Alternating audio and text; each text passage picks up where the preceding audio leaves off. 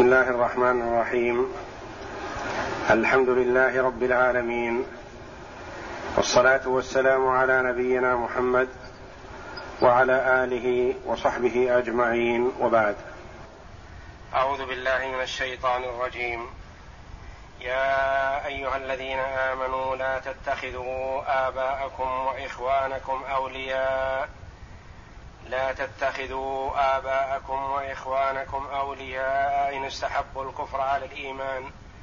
ومن يتولهم منكم فأولئك هم الظالمون. قل إن كان آباؤكم وأبناؤكم وإخوانكم وأزواجكم وإخوانكم وأزواجكم وعشيرتكم وأموال اقترفتموها وتجارة تخشون كسادها ومساكن ترضونها أحب إليكم من الله ورسوله أحب إليكم من الله ورسوله وجهاد في سبيله فتربصوا حتى يأتي الله بأمره والله لا يهدي القوم الفاسقين. يقول تعالى يا أيها الذين آمنوا لا تتخذوا آباءكم وإخوانكم أولياء إن استحبوا الكفر على الإيمان. ومن يتولهم منكم فأولئك هم الظالمون.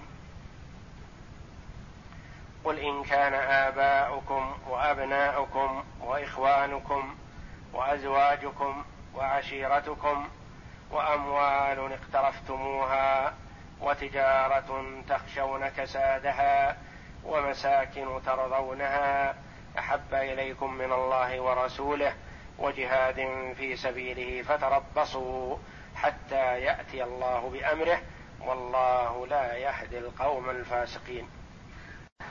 هذا أمر من الله جل وعلا وتأكيد لعباده المؤمنين بأن لا يوالوا من كفر بالله وإن كانوا أقرب قريب.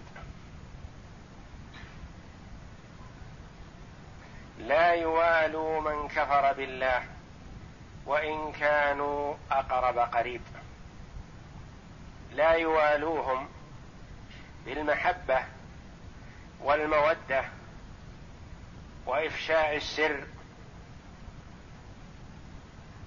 إليهم لأنهم أعداء لله ولرسوله وللمؤمنين.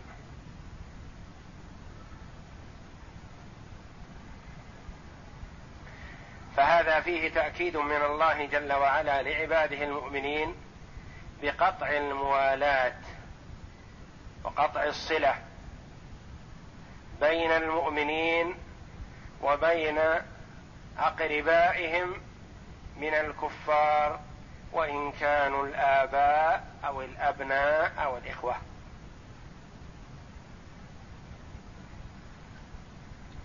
فلا يتأتى الإيمان من المرء بأن يحب الله ورسوله والمؤمنين ويحب من عاداهم. كما قال الله جل وعلا لا تجد قوما يؤمنون بالله واليوم الآخر يوادون من حاد الله ورسوله. ولو كانوا آباءهم أو أبناءهم أو إخوانهم أو عشيرتهم. أولئك كتب في قلوبهم الإيمان وأيدهم بروح منه.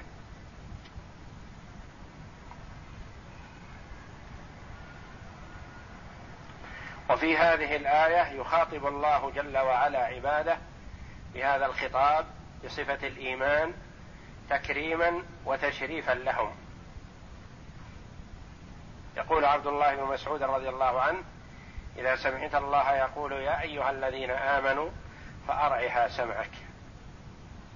فإنه إما خير تؤمر به أو شر تنهى عنه.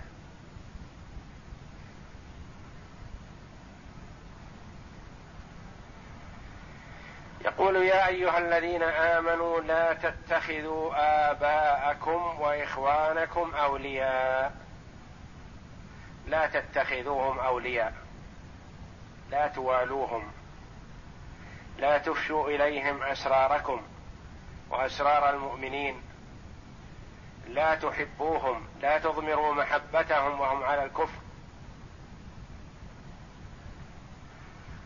وهل في هذا نهي عن صلة الاقرباء من الكفار؟ هل فيه نهي عن ذلك؟ نهي عن الصلة؟ لا. لم ينه جل وعلا عن الصلة وإنما نهى عن الموالاة نهى عن المحبة نهى عن المودة نهى عن الاطمئنان إليهم وإعطائهم الأسرار. أما الصلة الإحسان إليهم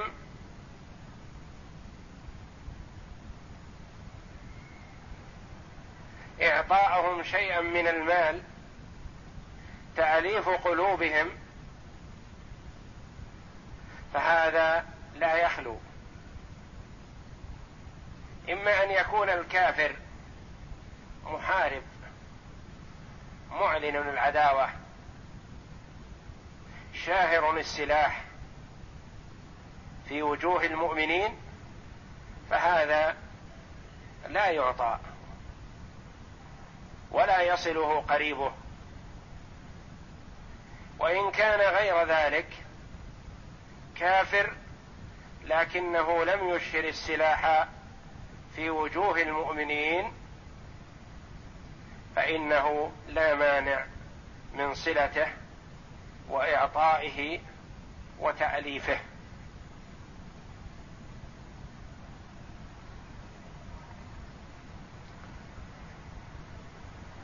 وذلك لأن الله جل وعلا لما ذكر حق الوالدين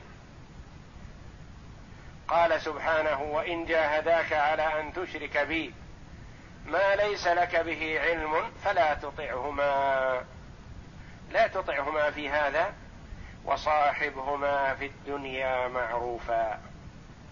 اصحبهم بالمعروف ولو كانوا مشركين. وجاءت أسماء بنت أبي بكر الصديق رضي الله عنهما إلى النبي صلى الله عليه وسلم فقالت يا رسول الله إن أمي أتتني وهي راغبة أفأصلها؟ قال عليه الصلاة والسلام نعم صلي أمك. أسماء رضي الله عنها مهاجرة إلى الله ورسوله في المدينة وجاءتها أمها والأم كافرة. جاءت من مكة إلى المدينة ابنتها أسماء وهي تريد منها. فأسماء رضي الله عنها لم يغلبها مودة الأمومة. والصلة التي بينها وبين أمها فأعطتها ما تريد لم تفعل ذلك رضي الله عنها. وإنما سألت النبي صلى الله عليه وسلم اولا هل تعطيها؟ أم أن إعطاءها يضر بإيمانها؟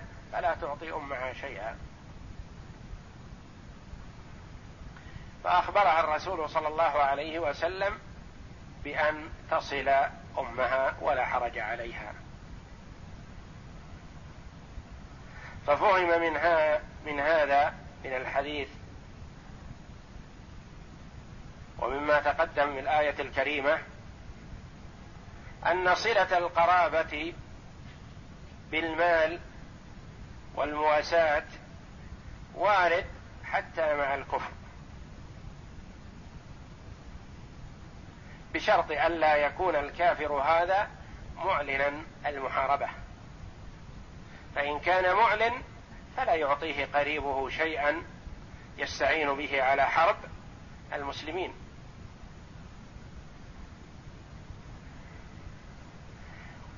والآية الكريمة هذه لم تنه عن الصلة وإنما نهت عن المودة والمحبة والموالاة. لا تجد قوما يؤمنون بالله واليوم الآخر يوادون من حاد الله ورسوله. يا أيها الذين آمنوا لا تتخذوا آباءكم وإخوانكم أولياء إن استحبوا الكفر على الإيمان. لا تتخذوهم أولياء متى؟ في حالة استحبابهم وتفضيلهم للكفر على الإيمان بالله ورسوله.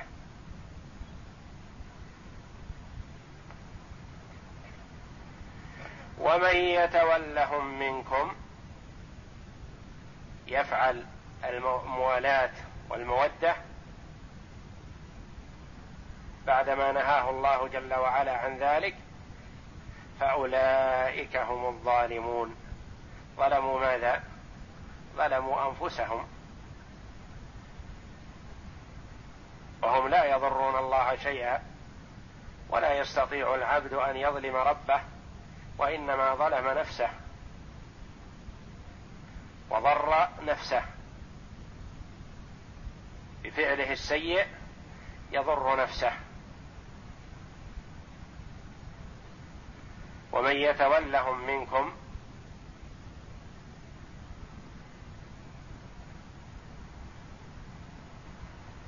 يضمر مودتهم ومحبتهم أو يفشي إليهم أسرار المؤمنين أو يتخذهم أولياء وأنصار وأعوان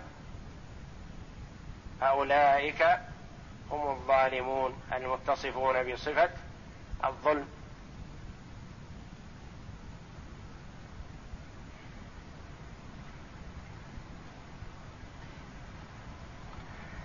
وحينما أمر الله جل وعلا بالهجرة والخروج من بلاد الكفر إلى بلاد الإسلام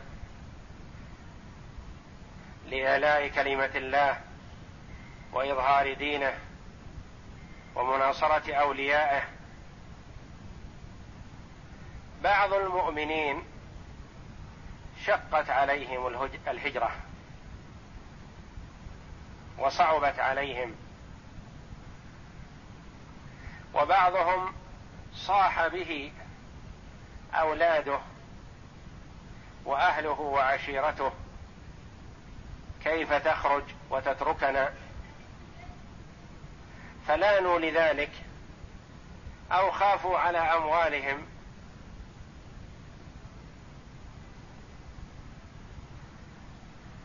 أو طمعا ورغبة في مساكنهم التي بنوها وارتاحوا بها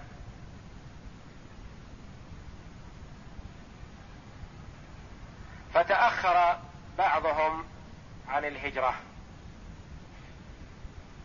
فأنزل الله جل وعلا قل إن كان آباؤكم وأبناؤكم وإخوانكم وأزواجكم وعشيرتكم وأموال اقترفتموها وتجارة تخشون كسادها ومساكن ترضونها أحب إليكم من الله ورسوله وجهاد في سبيله فتربصوا حتى يأتي الله بأمره والله لا يهدي القوم الفاسقين. قل يا محمد لهؤلاء المؤمنين الذين لم يسارعوا بالهجرة واطمأنوا إلى ما بين أيديهم ورغبوا فيها إما أنهم شق عليهم مفارقة الوالدين أو شق عليهم مفارقة الأولاد. أو شق عليهم مفارقة الإخوان. أو شق عليهم مفارقة الأزواج. وكلمة الأزواج والزوج تطلق على الذكر والأنثى. يقال فاطمة زوج علي رضي الله عنه رضي الله عنهما.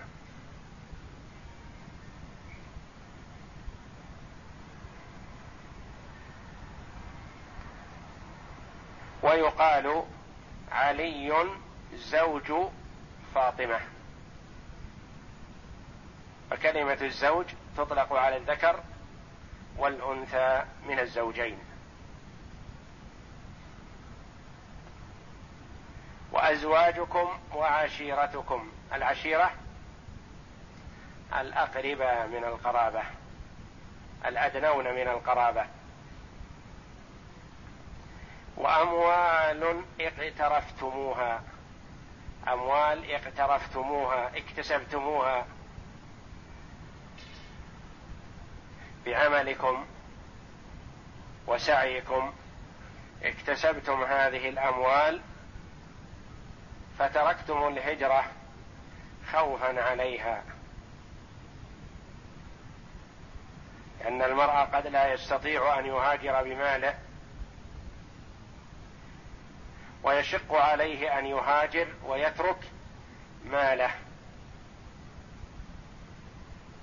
يشق على البعض. والكثير من الصحابة رضوان الله عليهم خرجوا مهاجرين لله ورسوله ولم يبالوا بجميع الموانع التي تمنع من الهجرة بل تركوها ولم يلتفتوا لها.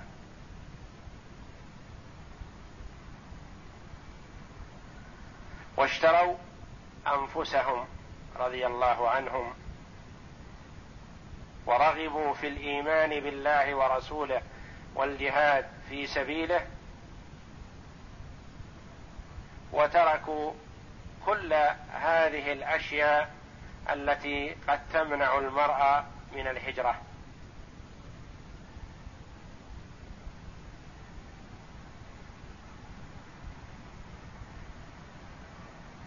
ومن ذلك صهيب رضي الله عنه الذي عرف بصهيب الرومي وليس برومي الأصل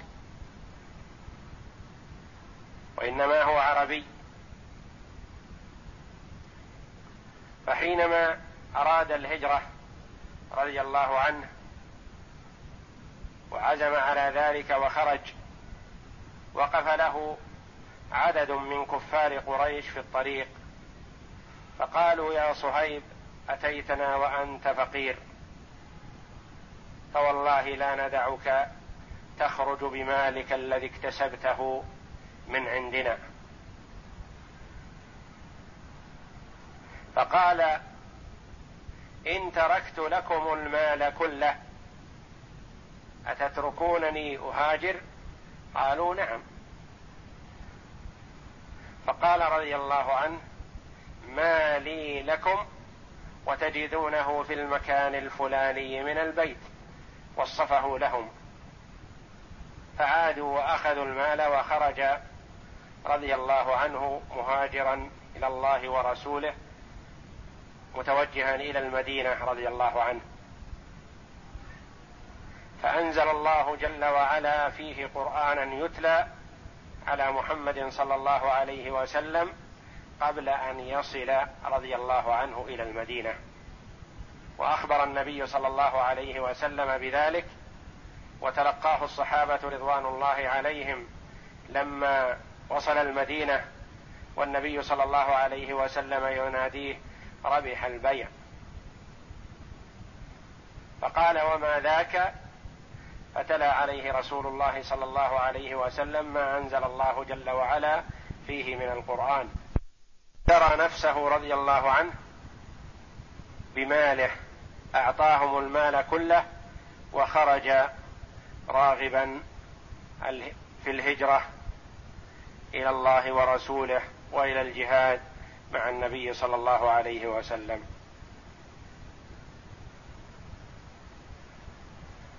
لكن بعض الناس هذه الأمور كلها أو بعضها قد تمنعه من المبادرة. والمسارعة إلى الهجرة. فأنزل الله جل وعلا حثا وترغيبا للمؤمنين بأن لا يلتفتوا إلى هذه الموانع التي تمنع المرء من الهجرة.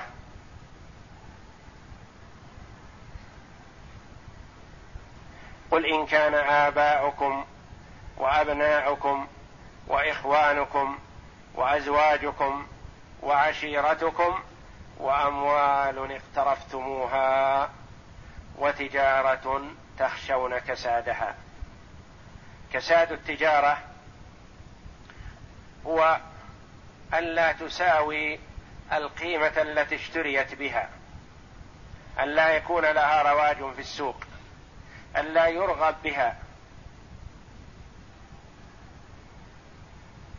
فقد يثبط المرء عن عن الهجرة تجارة عنده تكون عنده تجارة ويخشى إن هاجر الا يكون لها قيمة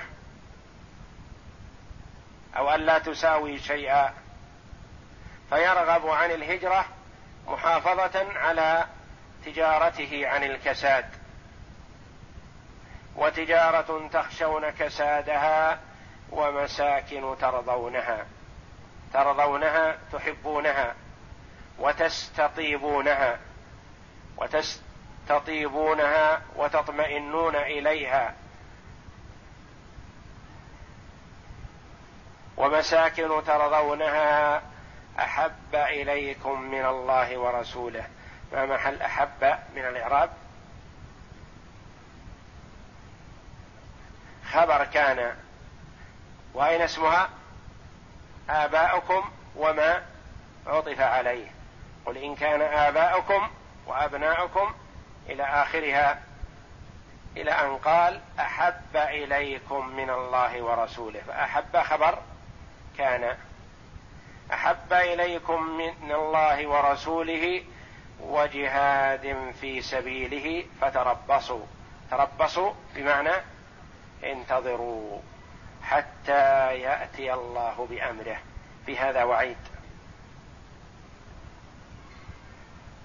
إن كان الأمر كذا فانتظروا حتى يأتي أمر الله.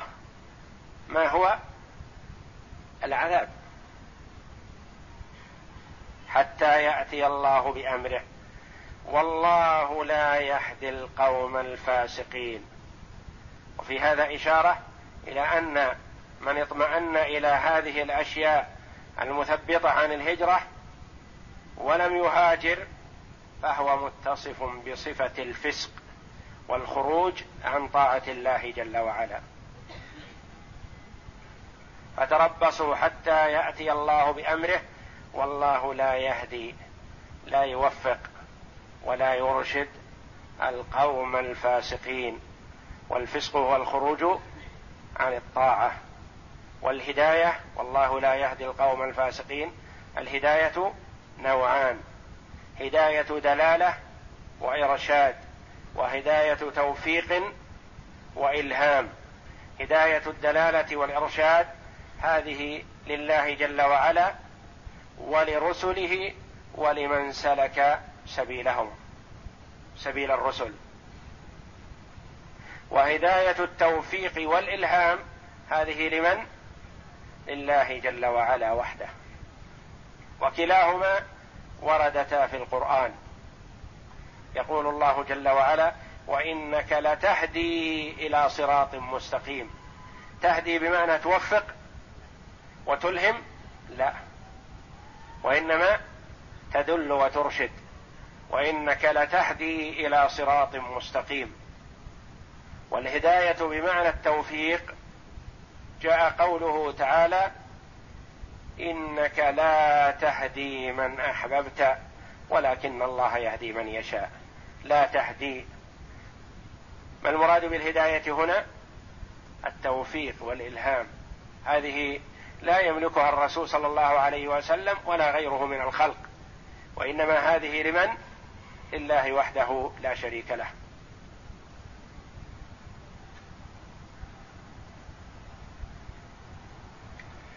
والله لا يهدي القوم الفاسقين أي الذين خرجوا عن طاعة الله جل وعلا. لا يهديهم ولا يوفقهم. لأنه جل وعلا أعطى العباد ما يسترشدون به. فالله جل وعلا وفق من شاء وسلك الصراط المستقيم. وحرم من شاء بعد أن قامت الحجة عليهم فلم يهتدوا. فمن سلك سبيل الهداية فبتوفيق الله جل وعلا وإلهامه. ومن حاد عن طريق الهداية وضل فقد ضل باختياره ضل باختياره والله جل وعلا يعلم ازلا بأنه لا يؤمن. والله جل وعلا لم يظلمه بل أقام عليه الحجة. فقد أرسل الرسل وأنزل الكتب وبين طريق الهداية وطريق الغواية جل وعلا. فوفق من شاء فضلا منه وإحسان وحرم من شاء عدلا منه جل وعلا.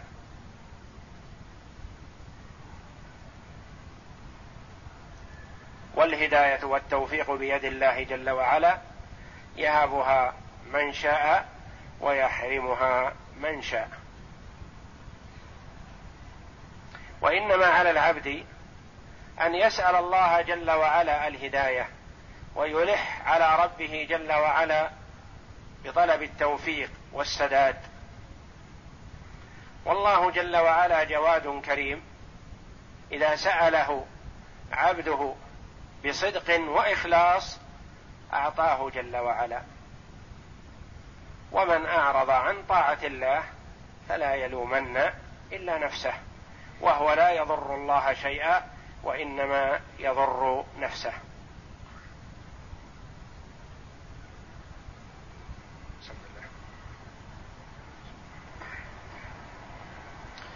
أعوذ بالله من الشيطان الرجيم.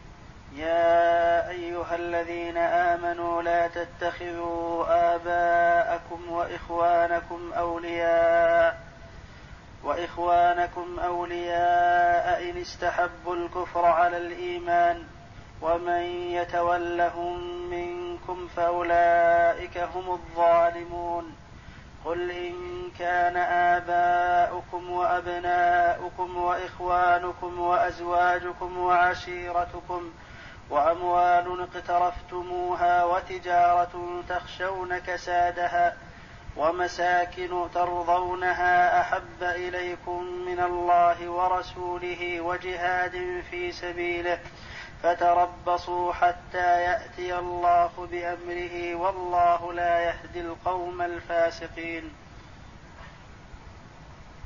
قال العماد بن كثير رحمه الله تعالى أمر تعالى بمباينة الكفار أمر تعالى بمباينة الكفار به وإن كانوا آباء أو أبناء ونهى عن موالاتهم إن استحبوا أي اختاروا. الكفر على الإيمان وتوعد على ذلك كقوله تعالى لا تجد قوما يؤمنون بالله واليوم الآخر يوادون من حاد الله ورسوله ولو كانوا آباءهم أو أبناءهم أو إخوانهم أو عشيرتهم ۖ أولئك كتب في قلوبهم الإيمان وأيدهم بروح منه ويدخلهم جنات تجري من تحتها الأنهار. الآية وروى الحافظ البيهقي من حديث عبد الله بن شوذب قال جعل أبو قال جعل أبو أبي أبو أبي عبيدة بن الجراح ينعت له الآلهة يوم بدر وجعل أبو عبيدة يحيد عنه فلما أكثر الجراح قصد فلما أكثر الجراح قصد قصده ابنه أبو عبيدة فقتله فأنزل الله فيه هذه الآية لا تجد قوما يؤمنون بالله واليوم الآخر يوادون من حاد الله ورسوله. الآية. ثم أمر أبو عبيدة رضي الله عنه قابله أبوه أبو عبيدة عامر بن الجراح رضي الله عنه. كان مع النبي صلى الله عليه وسلم في موقعة بدر الكبرى. وكان والده مع كفار قريش. وكان الأب يحاول أن يقتل ابنه انتصارا لآلهته انتصارا للآلهة. والابن يحاول ألا يوجه السيف إلى أبيه لعل الله أن يهديه لعله أن يسلم. فلما رأى أن الأب أن أباه مصر على قتله وعلى أذية المسلمين تقدم أبو عبيدة رضي الله عنه إلى أبيه فقتله. انتصارا لله ولرسوله وللمؤمنين. فأنزل الله جل وعلا هذه الآية الكريمة. لا تجد قوما يؤمنون بالله واليوم الآخر يوادون من حاد الله ورسوله. الآية ثم أمر تعالى هذا ثناء على أبي عبيدة رضي الله عنه حيث لم تأخذ به ولم تؤثر عليه مودة وحنان الأبوة في أن يؤثر إيمانه وجهاده في سبيل الله بل آثر الإيمان بالله واليوم الآخر وتقدم لقتل أبيه لأن أباه كان كافرا بالله واليوم الآخر. ثم أمر تعالى رسوله أن يتوعد من آثر أهله وقرابته وعشيرته على الله ورسوله وجهاد في سبيله فقال قل إن كان آباؤكم وأبناؤكم وإخوانكم وأزواجكم وعشيرتكم وأموال اقترفتموها أي اكتسبتموها وحصلتموها وحصلتموها وتجارة تخشون كسادها ومساكن ترضونها أي تحبونها لطيبها وحسنها أي إن كانت هذه الأشياء أحب إليكم من الله ورسوله وجهاد في سبيله فتربصوا أي فانتظروا ماذا يحل بكم من عقابه ونكا ونكاله بكم. ولهذا قال حتى يأتي الله بأمره والله لا يهدي القوم الفاسقين. وقال الإمام أحمد حدثنا قتيبة بن سعيد حدثنا ابن لهيعة عن زهرة بن عن زهرة بن عن زهرة بن معبد عن جده قال كنا مع رسول الله صلى الله عليه وسلم وهو آخذ بيد عمر بن الخطاب رضي الله عنه فقال والله يا رسول الله لأنت أحب إلي من كل شيء إلا من نفسي. فقال رسول الله صلى الله عليه وسلم لا يؤمن أحدكم حتى أكون أحب إليه من نفسه. فقال عمر فأنت الآن والله أحب إلي من نفسي. فقال رسول الله صلى الله عليه وسلم الآن يا عمر.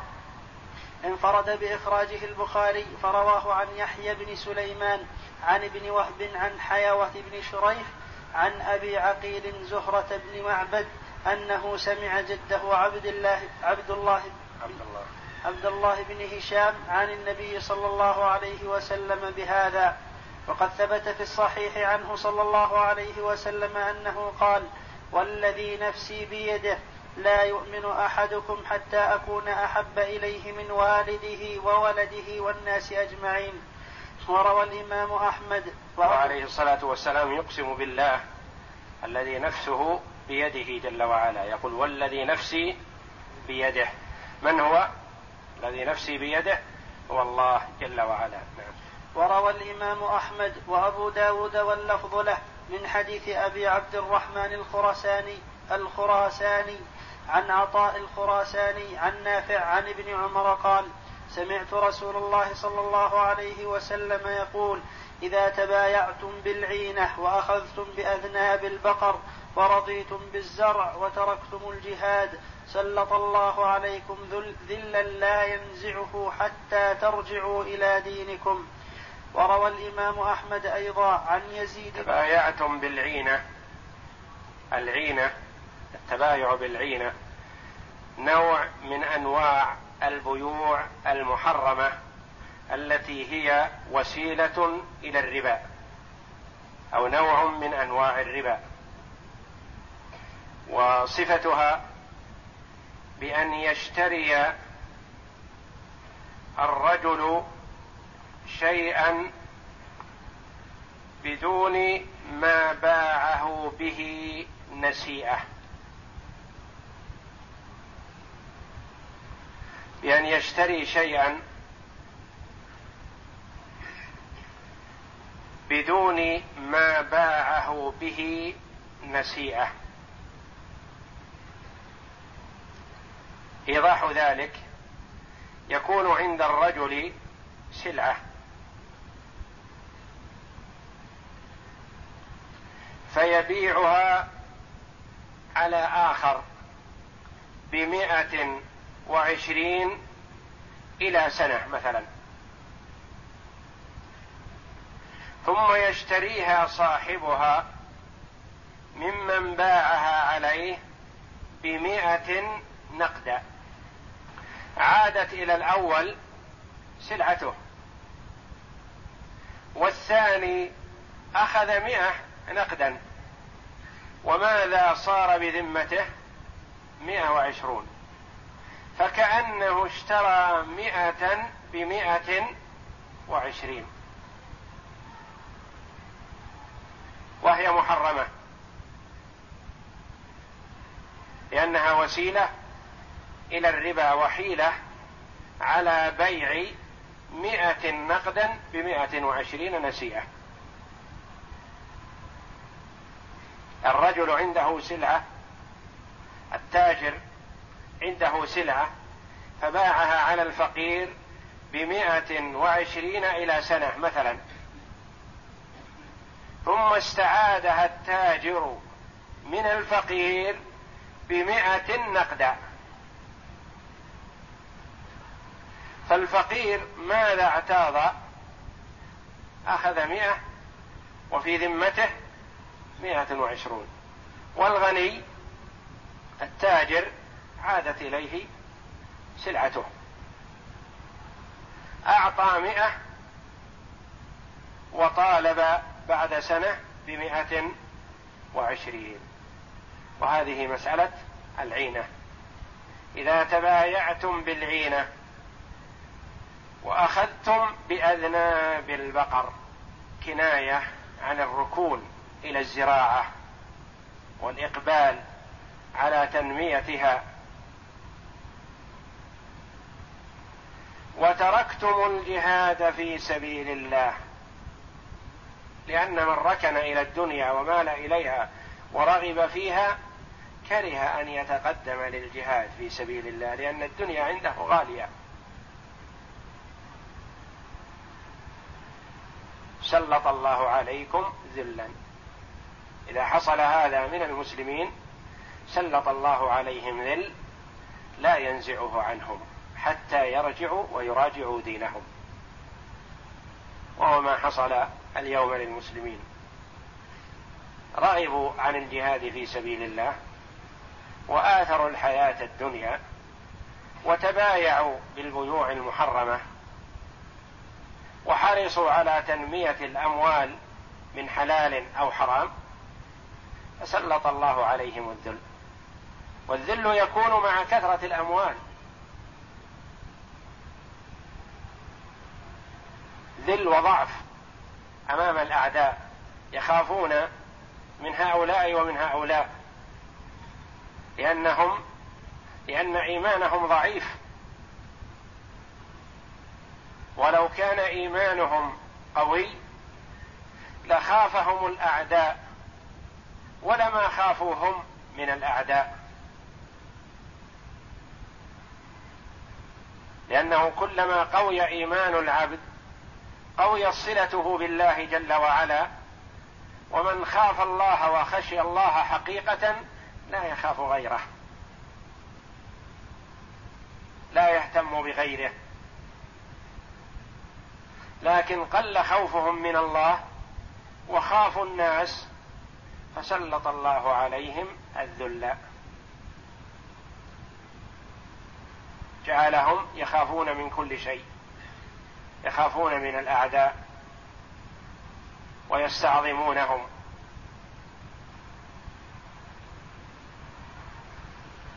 ويخشونهم في جميع أمورهم. ولا ينزع الله جل وعلا هذا عن المسلمين حتى يرجعوا إلى دينهم فيحلوا ما أحل الله ويحرموا ما حرم الله ويجاهدوا في سبيل الله لإعلاء كلمة الله.